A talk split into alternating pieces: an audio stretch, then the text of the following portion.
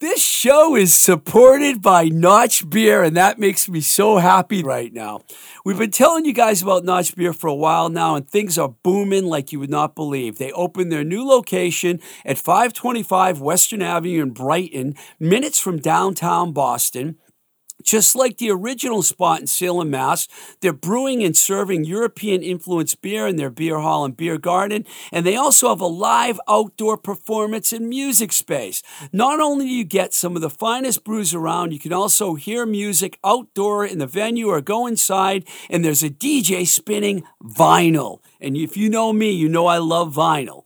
The indoor and the outdoor locations are both cool. There's a lot of space. It's a great place to hang out. Their beer is also available at retail locations throughout Mass and Rhode Island and through mail order direct from Mass and PA. If you haven't tried Notch yet, it's about time you do. Get yourself a Notch beer, or better yet, head over to Notch Brewing and tell them Twisted Rico sent you.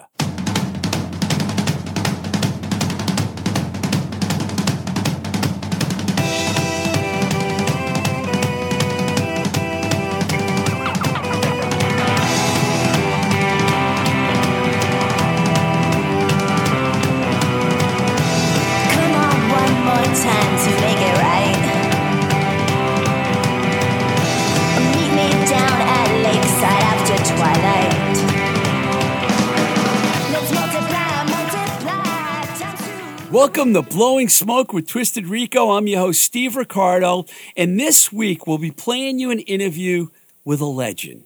Unless you're a behind the scenes geek or in a band or a sound engineer at a venue, the name might not mean anything to you. Bob Czaykowski. I, I didn't say his name once during the interview because I didn't know if I was even saying it right. You might have heard of him or you probably didn't, but anyone that's a geek like me has. Nite Bob, as he is known, is a legend among roadies and techs and band members. He's done it all. Now, I only briefly met Nite Bob while the New York Dolls were touring back in 2006, and the Charms were opening for them during their 22 city tour. And um, I didn't really get to know him very well, but I've read a lot of his interviews and I've listened to a lot of his podcasts. And other than a few brief email exchanges and being urged to get him on the show by my good friend Greg Allen, who has a connection with Nite Bob through his association with the New York Dolls, mainly the late, great Jerry Nolan, I asked him to do the show and mentioned he was coming on to a few people like John Bianelli, who's been working with Aerosmith for years. And I saw his reaction through the, right through the text message of how excited he was to have him on. Now, we've had guys behind the scenes on before Reverend Hank Pierce, Tom Wilson, Darren Hill, Curtis Casella, Sweet Lou Mansdorf, one of the all time greats, Rick Hart.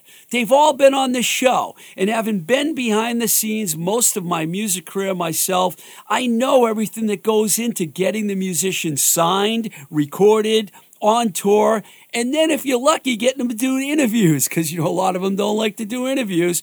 It's a lot of work, so naturally I can relate to the people behind the scenes, and that's why I wanted to get Nite Bob on the show because he's a legend in the business. This is going to continue, by the way, because I have Nancy Barile on the show next week, who's like uh, spent many years promoting punk and hardcore bands when no one else wanted to when she was in Philadelphia, and she wrote a book about it. I'm excited to have her on next week. So, Nite Bob has spent 50 years touring, doing stadiums, arenas, theaters, clubs, radio broadcasts, internet broadcasts, live recording, label showcases, television appearances, videos, movie shoots, USA, Japan, Europe, Australia, New Zealand. Bob has done it all.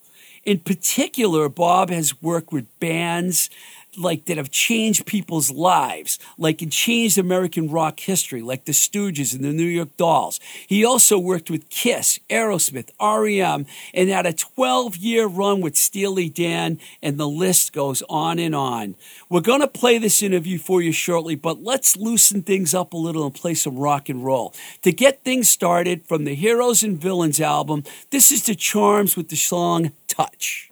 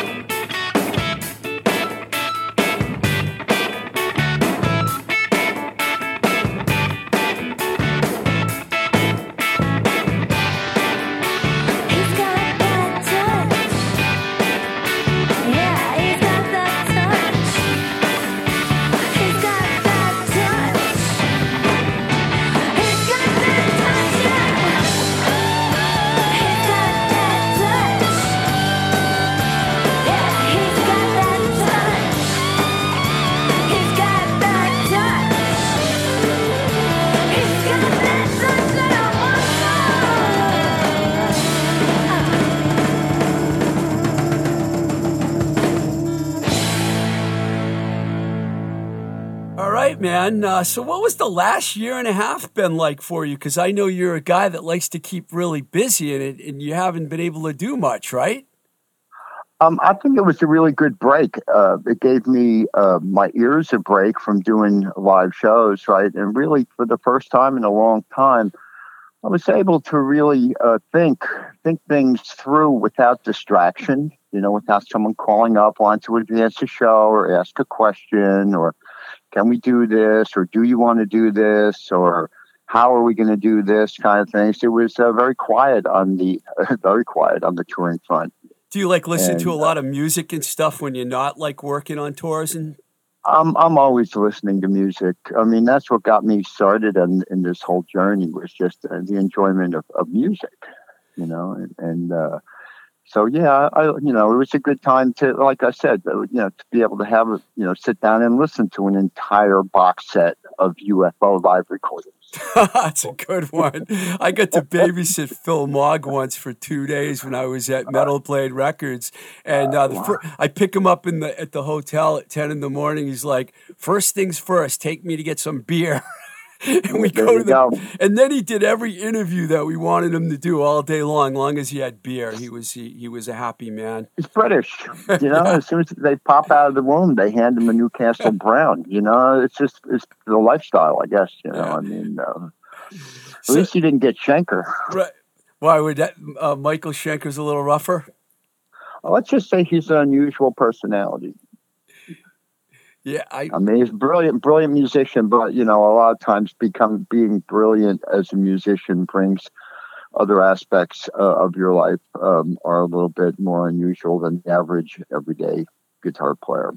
Great guy, you know. I mean, my, I've never had a bad. Uh, you know, I hear these. You know, you hear about all these these episodes, but that's you know, I'm telling you, every everybody has an episode somewhere in their life, so I'm can't glad- be judgmental. I'm glad we're talking about a guitar player because I know you started off as a guitar player playing in bands That's and correct. gradually moved behind the scenes. How did that all get started for you originally? Okay, here, here's what I was a guitar player in a band, right? And uh, through uh, a friend of mine, Tom Fabianski, we were both in high school together, and he was like an audio guy, right? And so we got together. He had some gear. He started doing the PA from, uh, you know, providing PA for my band, right? And as he got busier, I started to actually pick up some of the extra work from him and uh, gradually got into the audio thing. Through through that, I met another band. I started working, doing some shows with them, and they had a guy who worked for them who said, "Listen, he goes, I can get you a job in New York City, where you run a rehearsal studio, and when it's not booked, your band can uh, rehearse there for free. And you'll meet a lot of people in, in the music business in New York, right? So I thought that was a really, really good opportunity. So I, I, I took the job, which uh, went from like four to midnight. And I'm within a month, I realized that the water was way deeper than I thought as a, as a guitar player in the music business. I mean, like my first day in the job was dealing with the Mahavishnu Orchestra and the New York Dolls. Whoa! Right? So, yeah, right. Kind of a broad, broad, uh, broad sweep of music there.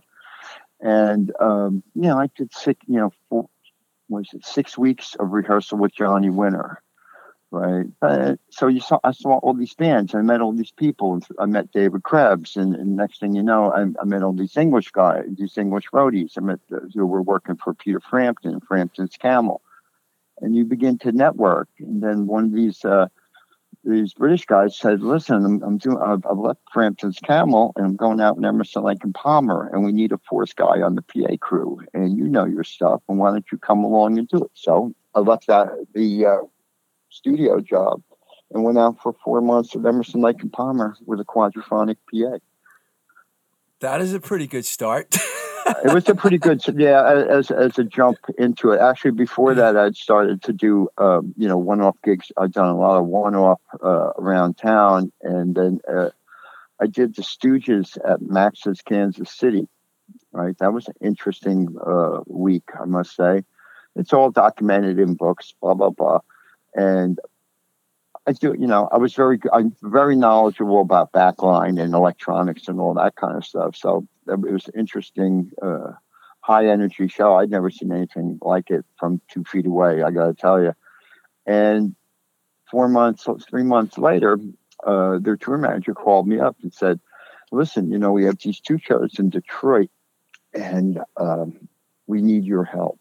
And I was really excited to be offered a job, you know, like with a, you know a recording band, you know. And they said, "I go, I'm in," and they said there'll be a plane ticket at the airport for you and just come right to the Hilton Hotel. We got a room for you, and the gig is at the Michigan Palace. And I went, and when I came back, I went and did these shows, which are pretty notorious because they show up as one. Uh, one of the shows shows up on that Metallic KO bootleg that everybody, if you're Yeah. a Stooges fan, everybody knows about, right? And uh, when I came back to New York, everybody, you know, um, the way people viewed me was very different. I wasn't the guy who ran the rehearsal, the cool rehearsal studio. I was also the guy that someone believed it enough to fly me to another city to do shows, right? So people looked at me different. And that's, you know, then I went to Emerson Lake and Palmer, Emerson Lake and Palmer to New York Dolls, New York Dolls to Aerosmith, blah, blah, blah, ad infinitum. And that brings us to me and you talking today, right now. Yeah, let, let me take a step back for a second here because Sure. uh, this is all great, man. This is great. Uh, I wanted to ask you about one thing before we got into the Stooges because they were first on my list. Is it true Mm-hmm. that you would fly to England and buy Marshall amps and then bring them back to the States and sell them? I heard that That's somewhere. very true. That's very true. At the, at the time, uh, flights uh, to England uh, were very inexpensive, right? And the dollar to pound uh, conversion was beneficial to the Americans, right? So, a pal of mine, we would get a flight, we'd fly over, we get a, a hotel, and then we go down to Denmark Street, which is like their view, uh, version of like what used to be 48th Street in New York, where all the shops were. Okay. right? Times Square. And then yeah. I'd be buying, we'd buy Marshalls and Hiwatts for like, I'm not kidding, 80 to 120 dollars each, and then um, take them back to the hotel, uh, box them up, uh, and check them as excess baggage. And back then, there was an urban legend that the English Marshalls sounded better than the American Marshalls, and that you had to run them on 220, right? So. Uh, rather than 110 and so we would also go down to you know the surplus stores on canal street and buy you know step up transformers and sell these uh, sell them off You never had any I- problem getting those on an airplane? Like No. as baggage? Really? Wow. no you slip you slip somebody a 20 listen in new york dolls i'd put whole backlines as excess baggage I think I'm serious, you Wow. know. I'm, I'm I'm serious. I mean, sometimes we'd be at the the count. You know, if they wouldn't pick it up on the uh, on the drop, you'd have to bring it to the counter. So you'd be rolling like uh, you know a couple of you know cases with some drums, some four by twelve cabinets, head cases, and a SVT, and it would say New York Dolls on it, right? And the guy behind the uh, the counter and goes, "Wow, those are that's some big luggage." And, uh, and you look at it and he goes like. New York Dolls, like, um, and uh, the drummer, Eddie Max Blatt, uh, went, "It's a puppet show." This is in 1974, right? And you go, "Oh, must be some big puppets in that in that big case." Where we're going, and and you know, for 20, 50 bucks, That's know, incredible. Things are very, very, very different. Can't You- do that now. when when you get started in the early 70s which i always say is for me like the greatest period for rock and roll there were so many great albums and tours and everything and you were like right in the middle of that and i read in an interview that about the stooges you said that um, you work with them because no one else would work with them is that true It is true, but you have to understand the context, right?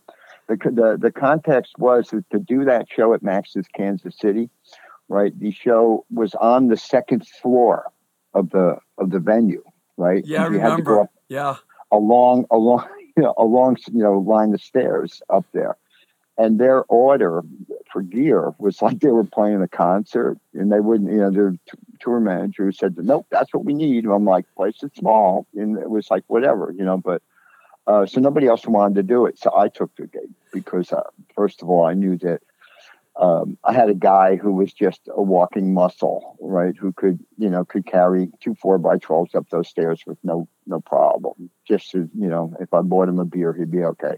Yeah, you, you And, uh, also you also ended up saying though that the Stooges changed your life. You know, in the Yeah, same true. interview that I read. true. Yeah, it's true. Um, it was I.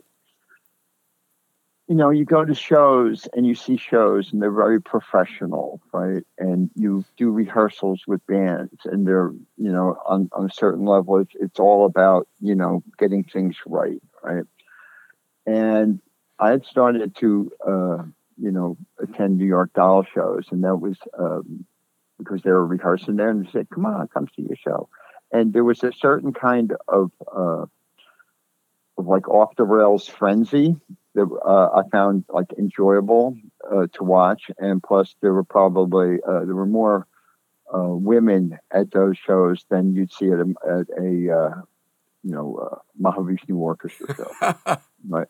You know, so so it was a good you know, and, and it was really interesting because the uh, you know, like the band and the audience were like all this one thing. You know, there's very little definition between band and audience. If you see pictures of the Mercer Arts Center, you'd understand what I mean. It's sort of like the band kind of was part of the audience and the audience was part of the band. It was very unique, right?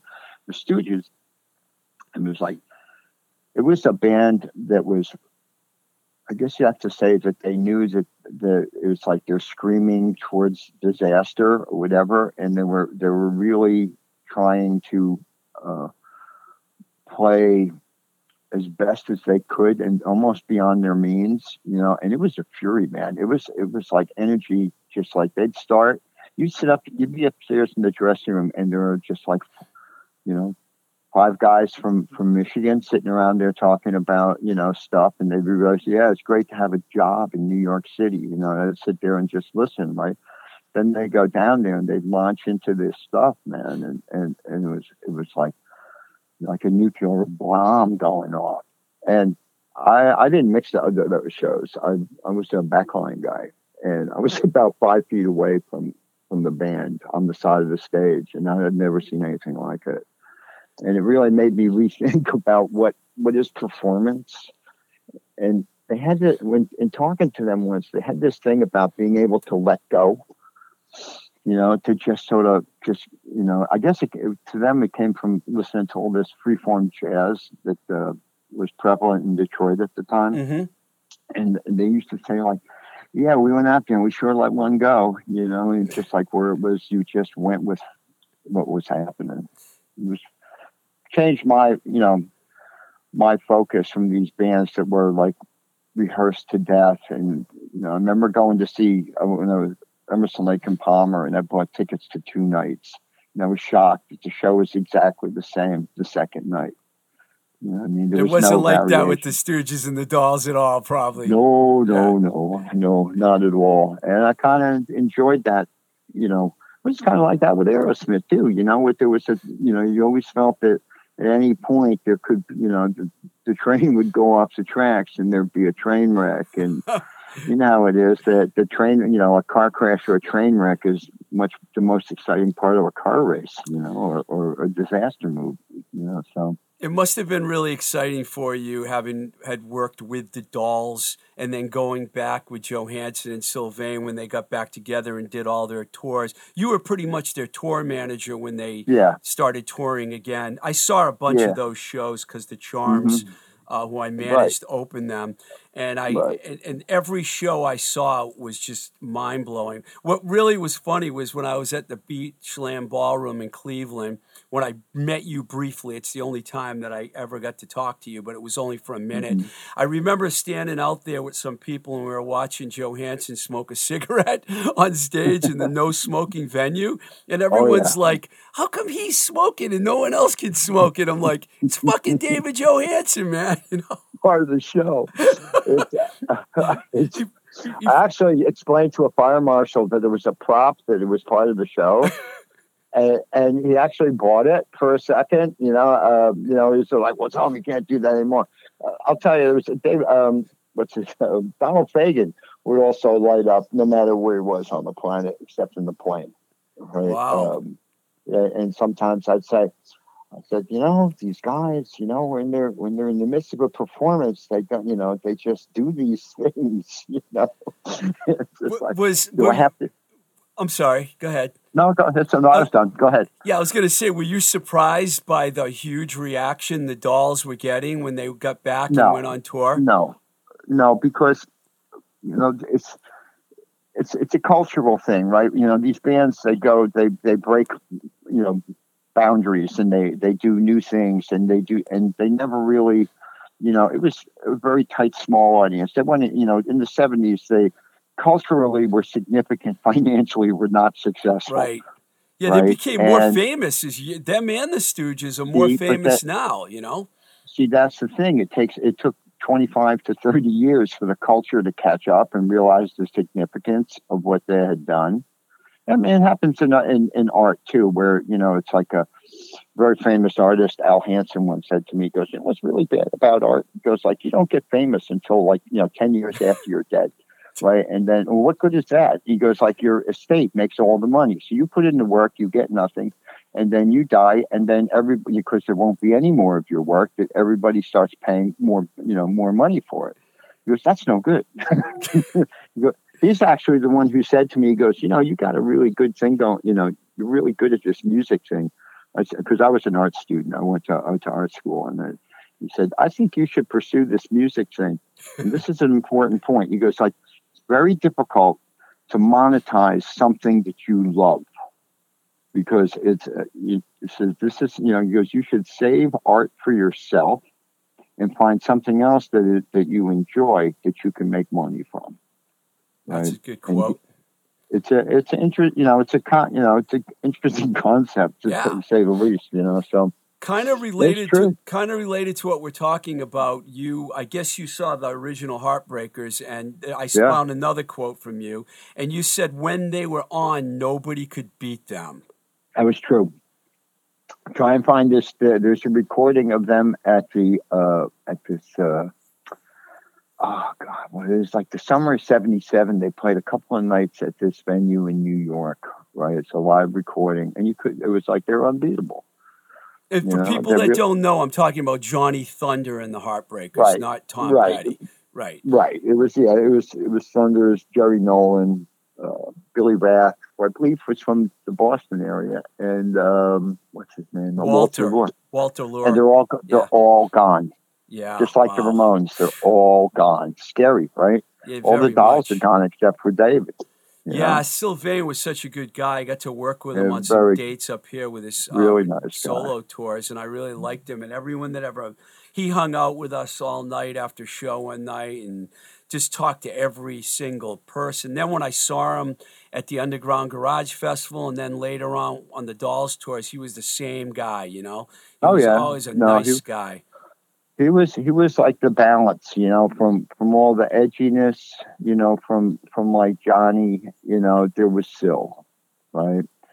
And you know, he he was a, brilliant guy. I really really wish I'd bought a hat from him. I'm not a hat guy, right? And at one point, when uh, he wasn't making money, he was making hats and jackets, and he was living in Atlanta with his with his. Uh, significant other, right?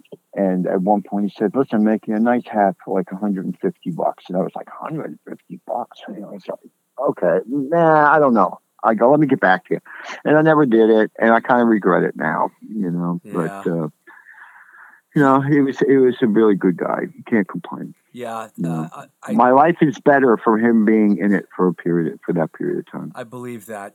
Um, switching gears a little, you spent 12 years working with Steely Dan. Were you mainly like uh-huh. Walter Becker's main guy? Is that the job you had? Because well, I saw this okay. thing called inventory, and I'm like, inventory? What's that? You know? That's everything, right? okay, no, no, here's the deal, right? Um, I was um, my dear friend Skip Gildersleeve, who's a Detroit guy, right, who I met doing shows in nineteen in the early seventies at the Michigan Palace with the New York Dolls, right? He went on to work with Rush, and after a long time with Rush, uh, he wanted to move to New York, and he started working uh, for Steely Dan, right? He called me up once and he goes, Walter Becker needs uh, someone to record some rehearsals And uh, I said, for Steely Dan? He goes, no, for it's a solo project.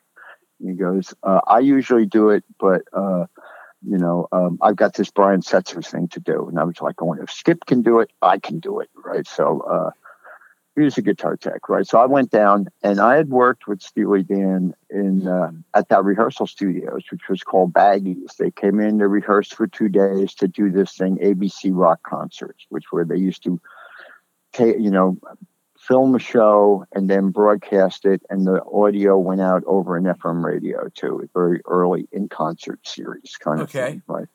So I met Becker there and did those things, went over, did the show, uh, helped him with the show, and off they went, right? So then I walk into the studio. Becker goes, I know you. You worked in that dump down in what is now Soho. You know, it's like, ah, yeah, hell yeah, nice to see you, right? So he tested me really in an interesting way. He made me record these rehearsals on every kind of media, right? Mini disc, cassette, you know, reel to reel, direct, you know, uh, direct to you know CD, all this. It was a test. It was, uh, and I passed the test. And at the end of these recordings, which later went on, uh, he said, "I could use a guy like you." And I said, "I'd love to mix your band." He goes, "Oh no, I got a better job than you for you." And I became the road manager for what they what would you call a party, which would be him, uh, Walter, and Donald, a tour accountant, tour manager, me and whatever with either of the two wives who travel with us. It's a good gig. I mean, you fly around in a Wow. private jet, you stay, stay in nice hotels, right? That is Uh, a you have good a lot- gig. It's a great gig. It's a great. It was a great gig. I got to tell you, you know, I looked at it as the payoff for all those times of um, being on bus buses and waking up to the smell of stinky socks and like and like like people partying in the back lounge and stuff like that. This was like a, a good payoff. But the inventory thing comes from at one point. Um, Walter Becker came up with the the phrase "gas," which is gear acquisition syndrome. Not only did not only did he coin that phrase, but he was a complete. He's the poster child for it. Right. So in the mat, when I started working with him, he had uh, twelve guitars and seven amplifiers. After his passing, when I did the inventory of his gear, there were 650 guitars, 350 amplifiers, and I love saying this, 1,300 pedals. Oh Right. my god! Uh, his wife had no idea. He, you know, no idea because she said, "I hear he has a lot of gear," and I went, "Yeah," because she goes, "She would never let me go down to SIR Studios." She goes, "I need to come and take a look." I'm like, "Okay." So I took her to the the locker. 11, uh, 11. Locker 11, we used to call studio, oh, not, actually locker 10. Um, we used to call Studio 10 because it had recording gear that we never used. He worked on on, on three records, and then he'd lose interest, and we'd watch uh, Russian uh, military plane crashes on on YouTube. Um, but he went into these processes of really digging into guitars and amplifiers, and uh, he purchased a lot of guitars. He uh, I built him 14 guitars to experiment with different kinds of woods and pickups and things like that. And I spent That's incredible. this was two year project, right? So now I'm a I'm a big vault of, of knowledge of all this stuff. And he also I got to give him credit. He got into this thing of uh, of supporting American small builders, amp guys and guitar guys and pedal guys especially, because he felt that that if you know these guys are just you know trying to make ends meet every day, and they, if they're doing quality work, you should support them, right? And because then you'll have nothing. If you don't, everything will be made offshore, and every you know, and you won't have this kind of quality, you know. And you could also get these guys on the phone. You could call like you know Chio Han, who builds these Han guitars, or Adam Grimm at Satellite Amplifiers, or any of these guys, and just get them on the phone and ask them a question. If you do, try to call somebody a Fender, it takes forever. You go through menu Right. after menu to get to this guy, and then you leave a message for uh, for Billy, and he'll get you. He'll call back in ten years. You know, uh, yeah, you know what I mean. So he, he became a patron of, of of the musical arts in a way. You know that uh, it was enjoyment for him because the two, you know, like like all musicians say, the two hours on stage are the greatest, right? It's those other 22, you know, that become like a drag. And what they would, on, on what they would do is they base out of one city. I mean, I stayed in Chicago for six weeks on one tour, and we just fly out every day to a venue uh, to really? a place. Wow. Yeah, hour and a half away. You know, hour and a half plane flight. You land, you do a sound check, you have a nice dinner, they play the show, you're back on the plane, you're back and you're and you sleep in the same bed, which is great for me because I didn't have to move them.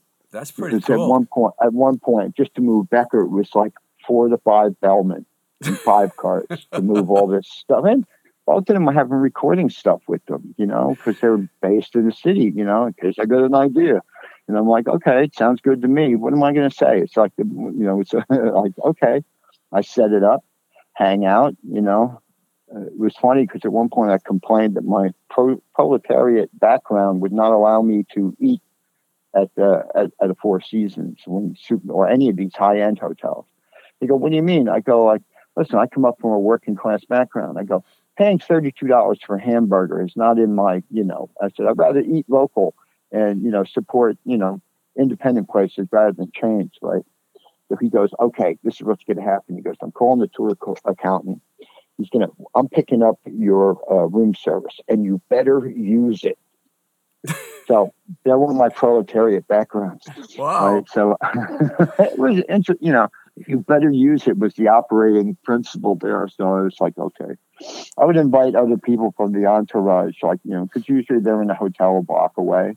So you know a, nice hotel but you know, not a four seasons right? So i would invite his guitar techs techs plural two of them because there was so much stuff or you know various band members who you know something say come over have breakfast with bob or something like that you know and just uh so there was That's a lot of gear I, I learned a lot. He was a very very smart guy. He could argue the sky is blue for hours if you wanted you know well sad Uh, to hear but- about his passing uh, uh, me too. You know, I mean, um, he was, you know, a brilliant guy. I'm a, I'm better at a lot of things due to just be, you know, having to answer some of his questions, and um, and just listen, you know, to his thoughts on things. You know, yeah people used to people thought they were just like jazzers, jazz guys from from L.A., which is not true. They're East Coast guys. One was from Passaic, New Jersey. The other one from Forest Hills. They went to the Fillmore East. They could tell you that you know Becker used to say one of the best bands he ever saw was the Youngbloods, and Nice. and that and uh, they like they go, did you go see the Mothers at the Garrick Theater? This is all '60s stuff, right? And they went and saw these bands. You know, Donald spent the summer of love in San Francisco trying to get into a San Francisco band. You know, so uh, so there there's a lot more to them than than people know. You know, so um, Speak, and go ahead. I was gonna say, I was just gonna. There's so much, Bob. There's so many things we can talk about. So I mean, I lo- you know, I I knew I knew that you would want to talk about Steely Dan for a little while, and I, I appreciate that. I wanted to Yeah. hit you up on Kiss for a minute because um, you you said uh, somewhere I I've, I've listened to a lot of interviews and stuff. That's why I know this. Good. I You like people who do research. I did a lot, and this blew my mind. You said that you saw Kiss open for both the New York Dolls and the Stooges. Now that's pretty incredible. Did they really? I don't think I. I don't think I. I don't think the, the dolls. Yes, that was correct. Uh, the Stooges, no, not the. the no, that that that's a misquote. Oh, they If I did, no. said that. okay, I No, must have misheard that one. But I've seen. I mean, I've seen this. You know. Well, okay. Actually, I take that back. That is not. Um. Uh. They were Kiss when the Stooges played New Year's Eve, 1973 into 1974 at the Academy of Music. Right. Um, the bill was uh, Blue Oyster Cult, right? The Stooges, local New York band Teenage Lust, who people should check Yeah, out. They're yeah, a ver- remember very interesting band. And at the last minute, they tacked on Kiss. And I had seen Kiss play out at uh, at Coventry, right? And I was like, I was like, really, those guys, right? Little did I know that, like, you know, what was that, 73, that, like, I don't know, 15 years later, I'd be flying around Europe with them, you know, during the Crazy Nights tour. you know, but yeah, actually, you're right. I, they did. They were like the added. They played for like 15 minutes, and Gene set his hair on fire, and I thought they, I thought it was some kind of comedy show. You know, oh, they love. I think a lot of people that. saw that at the beginning. well, you know, yeah, but, you know, I get it. You know, I mean, if you want, if you watch the document, did you watch that documentary that they they've had up? I've watched bits and pieces of it. I'm, I'll be honest with you. I'm not the hugest Kiss fan in the world. I have seen them with and without Uh-huh. makeup. I Yeah. actually met Uh-huh. Paul and Gene at Uh-huh. different times. I Uh-huh. totally respect what they've done. I'm not the hugest Oh, I- fan. yeah. Mhm. Ace Ace was the guy that you mostly worked with, and he he was the Yeah. one I liked the best. Well, he was the people's guy. You know, um, he was the, you know, he was like the cl- the guy in the class. You know, who always could, you know, say something funny. You know, and, and like he put, he had a very, you know, basic kind of style of playing that people. You know, I mean, some people they look at, you know, uh, a Joe Perry or uh, uh, and say, I can't play like that. You know, or look at uh, some of these other, you know, guys in Rush, you know, it's like, ah, that's a lot of work. You know, you listen to Ace and you go, you know, if I apply myself, I could probably play like that. you know, You No, did I a mean, lot of see- you did a lot of solo tours with Ace too, right? Yes, I did. Yeah. Well, he's a good guy. You know, I mean, I enjoyed it. You know, I mean, like back in uh, in '87, I had Frehley's Comet opening up for Alice Cooper, and that's like my next. Nice. I, I've got Ace Frehley special guesting on Alice Cooper starting in mid September, if it happens. Oh, re- oh, that's gonna ha- really. So that's something new. Wow, and that's gonna Yeah. be your first comeback from because you've been on a break for a while, right? Yeah, well, I've, I've I've gone out and done some shows. I did a couple of shows two weeks ago, and and you know, and like I'm like, well, I didn't get sick. You know, that's a, a plus. You know, because I have a friend who was fully vaccinated who went to see uh, a band play, and then two weeks later, you know, he got sick. But it wasn't, you know, it was he tested positive for COVID, but it was, you know, it was just like a case of the flu. You know, what I Yeah, that's mean? what I'm It- it- hearing. It, was, yeah, you know, so it's like that's what I'm saying. Is it going to happen? I mean, I watch the news and I'm like going like, hmm, I don't know. You know, this is, let's see what happens here. I know the Black Crowes are out. There's a good litmus taste. You know, uh, You worked with you know. Rich, right? I think I saw Yes, someone that yeah, a Yes, I solo tour or something. Mhm. Was that a club tour? Yeah. Uh, yeah, yeah, pretty much. You know, uh, five to eight hundred cap kind of things. You know, yeah, there was a you know the Crowes fan base was is pretty deep. Oh, you know, yeah. so they would come. It wasn't like we wouldn't pay. You know, some shows did better than others, but for the most part, they came out. You know, and um, he would, you know, and some of them would get. You know, he didn't play that. He played only one or two Crow songs, and I guess that they, you know, because he was pushing this this this band thing. You know, so sometimes people will be like, "Hey, you didn't play Wiser Time," you know. And it's like, and of course, who gets who gets this response? Me, because I'm sitting out there. And I would I would turn to him and go, "What's Wiser Time?" And then they get even madder, you know. I You have know to history. I have to ask That's you right. about Aerosmith because you were out with Okay. them from seventy five to seventy eight, and then again when the original lineup reunited from Right. eighty three to eighty seven. It Yeah. must have been interesting seeing both versions of the same band, but with different mentality going on. Well, I look at this as like that is the same version of that band, right? And it's sort of like the the change, the real change came after, um, you know, with permanent vacation because that's that's that's the that's the next version to me.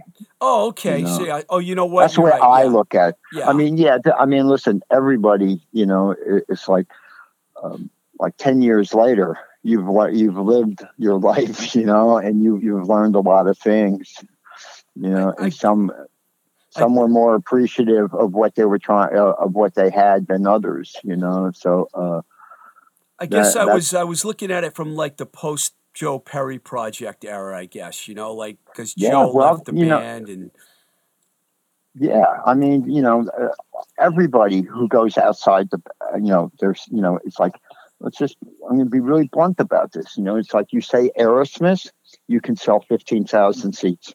You say Joe Perry, you're doing a thousand seats. That's Yeah. true of anybody. ZZ Top, you're doing 12,000 seats. Billy Gibbons, you're hopefully doing 800. You know, it's a whole different. You know, I mean, it's marquee value. Not to, you know, I mean, that's what the the audience knows what they're going to get when you say Aerosmith, right? When you say Joe Perry, they're not as aware of, you know, like, uh, tickets aren't cheap, so people are more um, are much more choosy, or they go on YouTube and they see something, they go, ah, I don't like that. You know what I mean? It's sort of like you can. Uh, I think the concert prices thing is, is is the biggest detriment these days, personally. But uh, but you know, people go out and and it's you know, and they realize that, that is you know, maybe you're not you're you're not as famous as you thought you were, or you're you know you somehow were able to let this slip through your hands, and now you're trying to regain what you had. Um, you know, so like yeah, there was you know, so, I mean, there were guys in that band who who were exactly the same as they were, you know, uh, when I first met them, right? And there were other guys who had gone through various, you know, uh, journeys of their own, and we're now, you know, I mean, still, you know, not as let's say some of them, a couple of them didn't weren't um, having as uh, weren't distracted. Let's put it like that. That's a Yeah. kind way of doing it, you know. And uh, and now, I mean, I saw them um, some play in in Springfield, Massachusetts, like what just before the pandemic, after the Vegas thing, right? It was really nice. And I went and I saw them, I hung out with them, you know, with each. I spent time with each member, you know, because we have a long history uh, together, and it was good to see them. I thought they played great, right? Uh, and um, you know, and it's like there they are. They're an American band. They're doing, you know, and they're out and they're playing, and it's like, you know, with them, um, we're talking really like over forty. I saw, I I did my first shows with them over forty some odd years ago, Yeah. forty five years ago. You know, so uh, the fact that they're still around and still playing good, I think, is a plus. You know, and and, and like look how you know you should think about how the culture's changed, man. It used to be all about the record, and now nobody cares about your record. Nobody.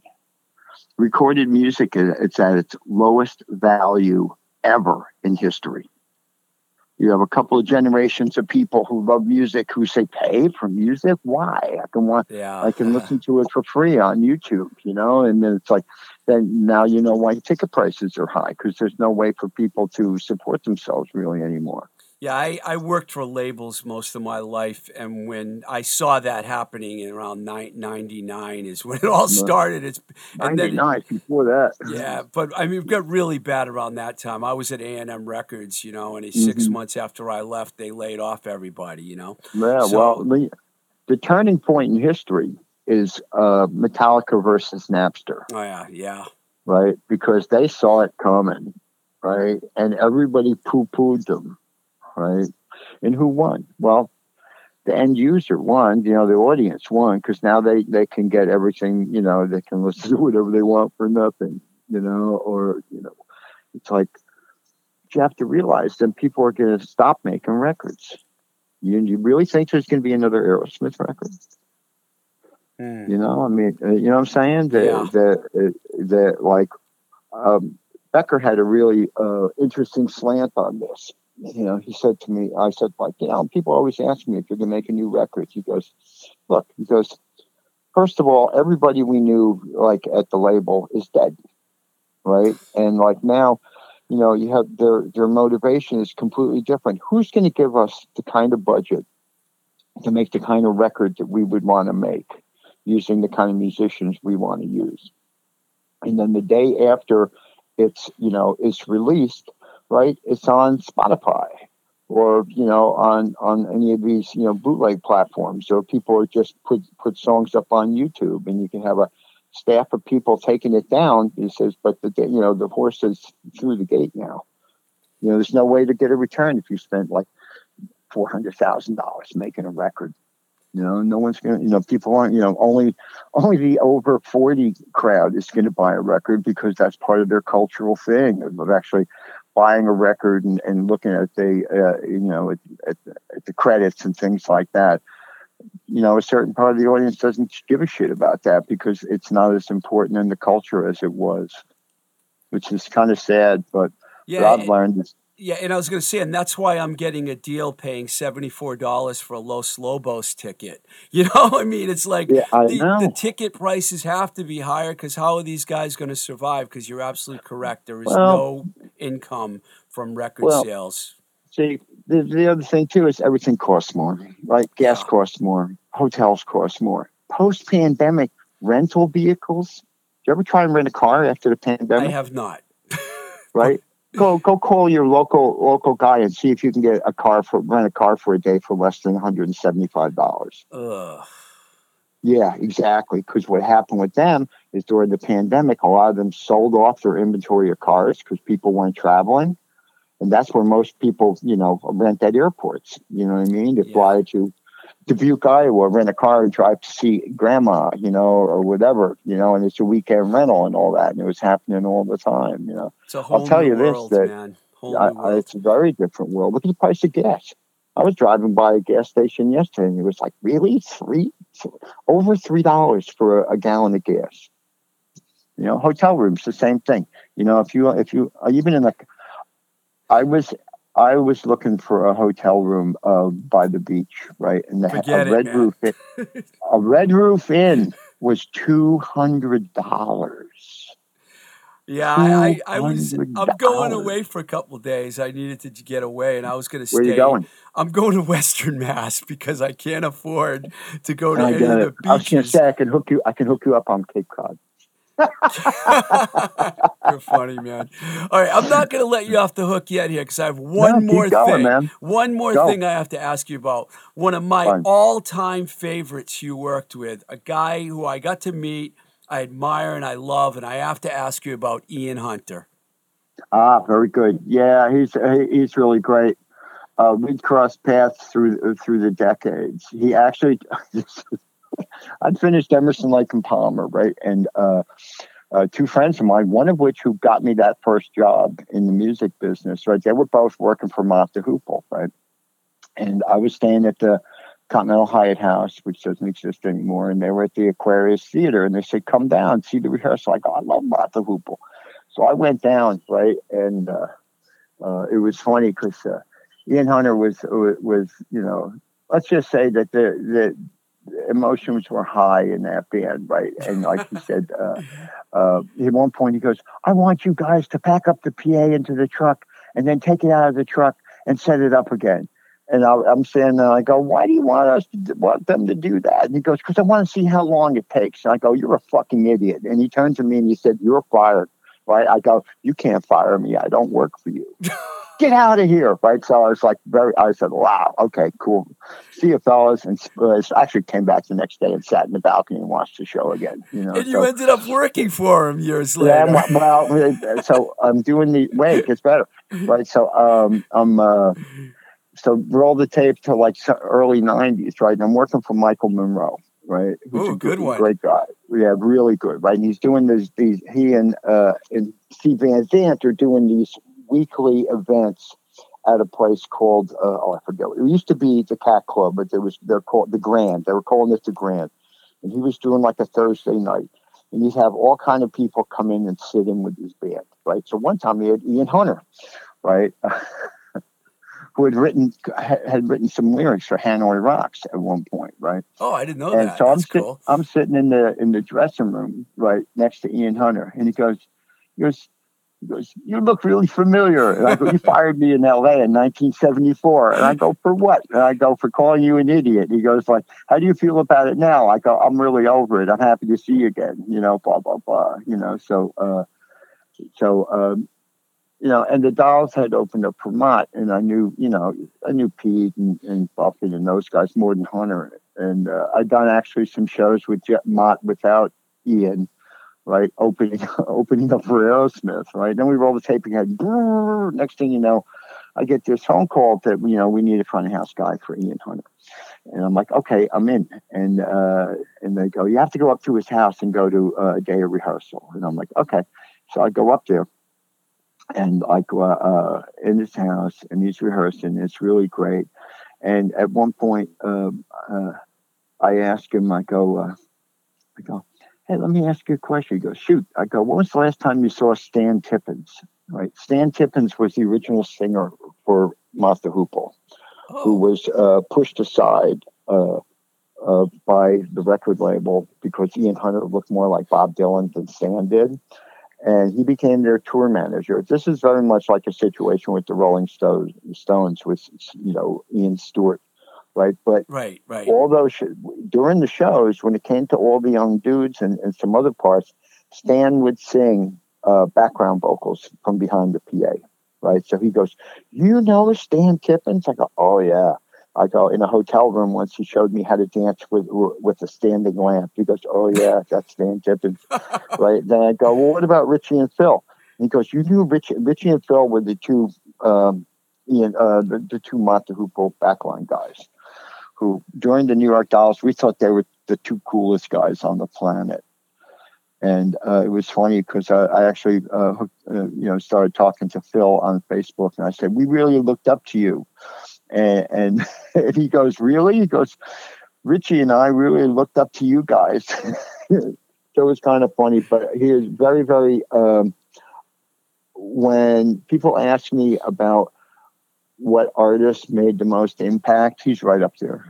He's right up there in I the top him. ten of all, all, I, I got to time. I got to meet him in L.A. when the Mhm. Charms were on tour with them and the Zombies, and he was so Mhm. cool. I I sat in the Wiltern Theater in L.A. when he did his sound check, and he did Irene Wilde, and he didn't even play it during his show. And I was like, Mhm. think, and I told him, I said, "That's my favorite song you've ever written," and you didn't do it Mhm. during the set. He goes, "We usually play songs during the sound check that we don't do during the set," and I thought that was really interesting, man. No, it is interesting. No, he he's up there, man. I mean, it's like I worked with, uh, you know, uh, I haven't worked with him in five years. He's actually on a hiatus now. You know, uh, I don't know. I don't know. You know, uh, it's funny you mentioned him because when uh, uh, I was thinking yesterday that I should uh, call up, uh, you know, the the MD of his band and go, "What's up?" You know, I know he, he's still active online. You know, he still answers questions on his website and stuff like that. But I'm not. You know, they haven't played a show in, in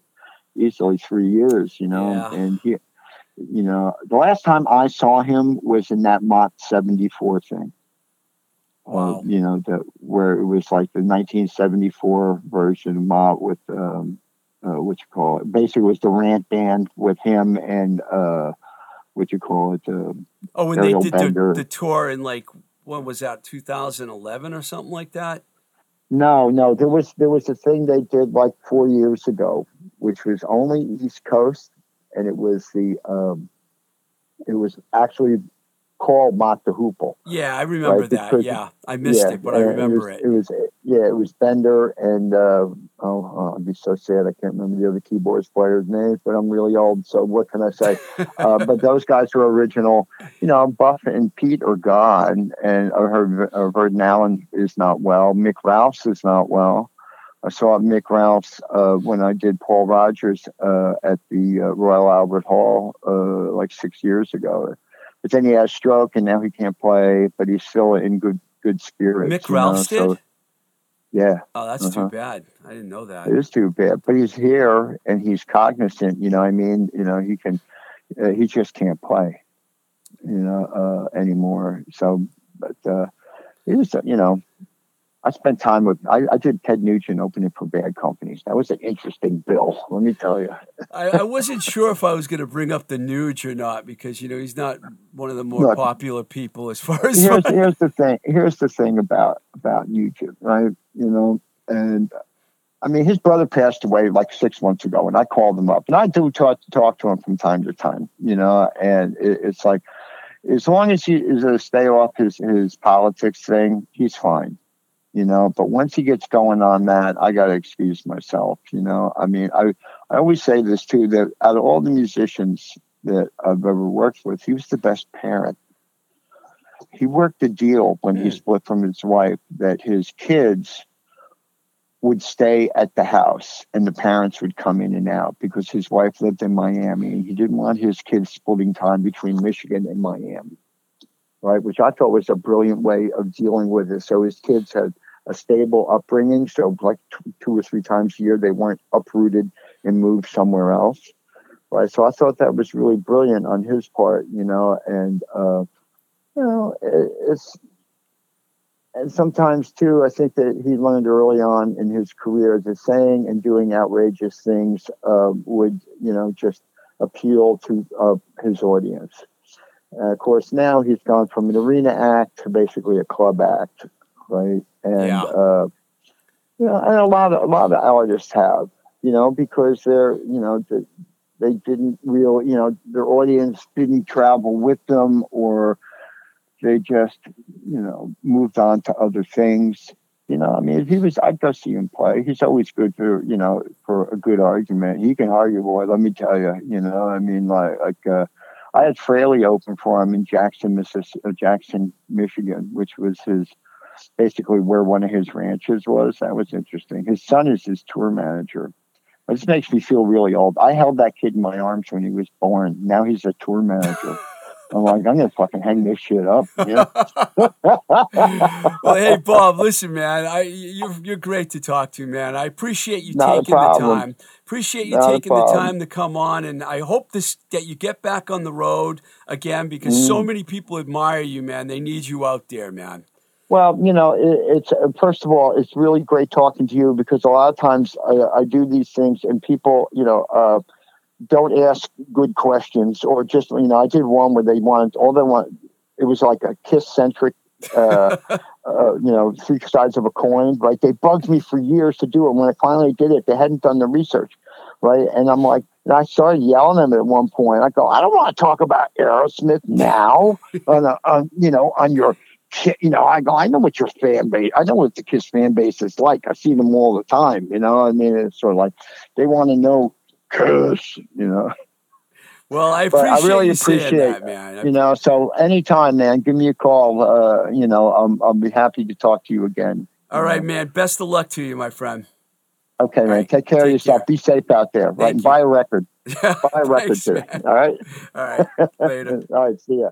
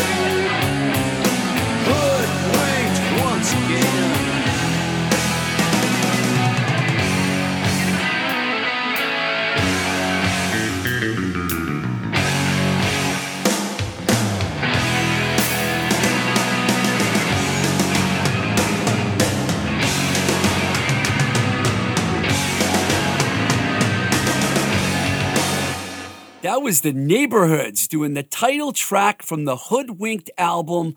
Well, guess what? The Hoods weren't hoodwinked this time because Alternative Press magazine picked them as one of the 10 bands that made Boston one of the best punk cities in America. This really made me happy since I work with the Hoods on several of their albums, and nobody deserves attention like the Neighborhoods do, along with the Mission of Burma and the the Nervous Eaters and the other bands that were on that list that that Alternative Press put together. So I figured I'd throw a Hood song on in celebration of that. Uh, that lovely occurrence that just happened this week. Thank you, Alternative Press Magazine. Um, it was a little intimidating for me talking to Nite Bob, although he was a very cool dude and he made me feel relaxed. And I hope you liked that interview as much as I did. And um, I'm just happy that he came on the show. I wasn't sure if he would do it when I asked him, but he had no hesitation about it. And uh, it was great having him on. And I like having people behind the scenes on the show. And I'm going to continue to get people like that. Like next week, uh, Nancy Barile, who wrote this great book called I'm Not Holding Your Coat, is going to be on. I'm really looking forward to that interview. So stay tuned to that. I want to thank everyone out there that supports this show on patreon.com forward slash twisted rico. Every stinking penny or dollar in their case that you put up there on a monthly basis to the show. We really appreciate it. it helps pay the bills and keep the show going. You can write me at twistedrico at gmail.com. We have an Instagram page at Blowing Smoke with TR, a Twitter page at Blowing Smoke BS. There's also a Facebook page. And of course, we're on YouTube where you can subscribe and like the page. Many of the episodes are up there, audio versions. And uh, if you don't like to go on Spotify or or Apple or Google Podcasts, etc., you can always go on YouTube. Thanks to Mike Nash here at Voice Motel in Somerville for engineering the show. And um, you can check this show out, like I mentioned, on all those locations. And I didn't mention Anchor and Google and Breaker, and I want to mention them. So, till the next time we say goodbye, this is Blowing Smoke with Twisted Rico. I'm your host, Steve Ricardo. Keep the rock and roll alive.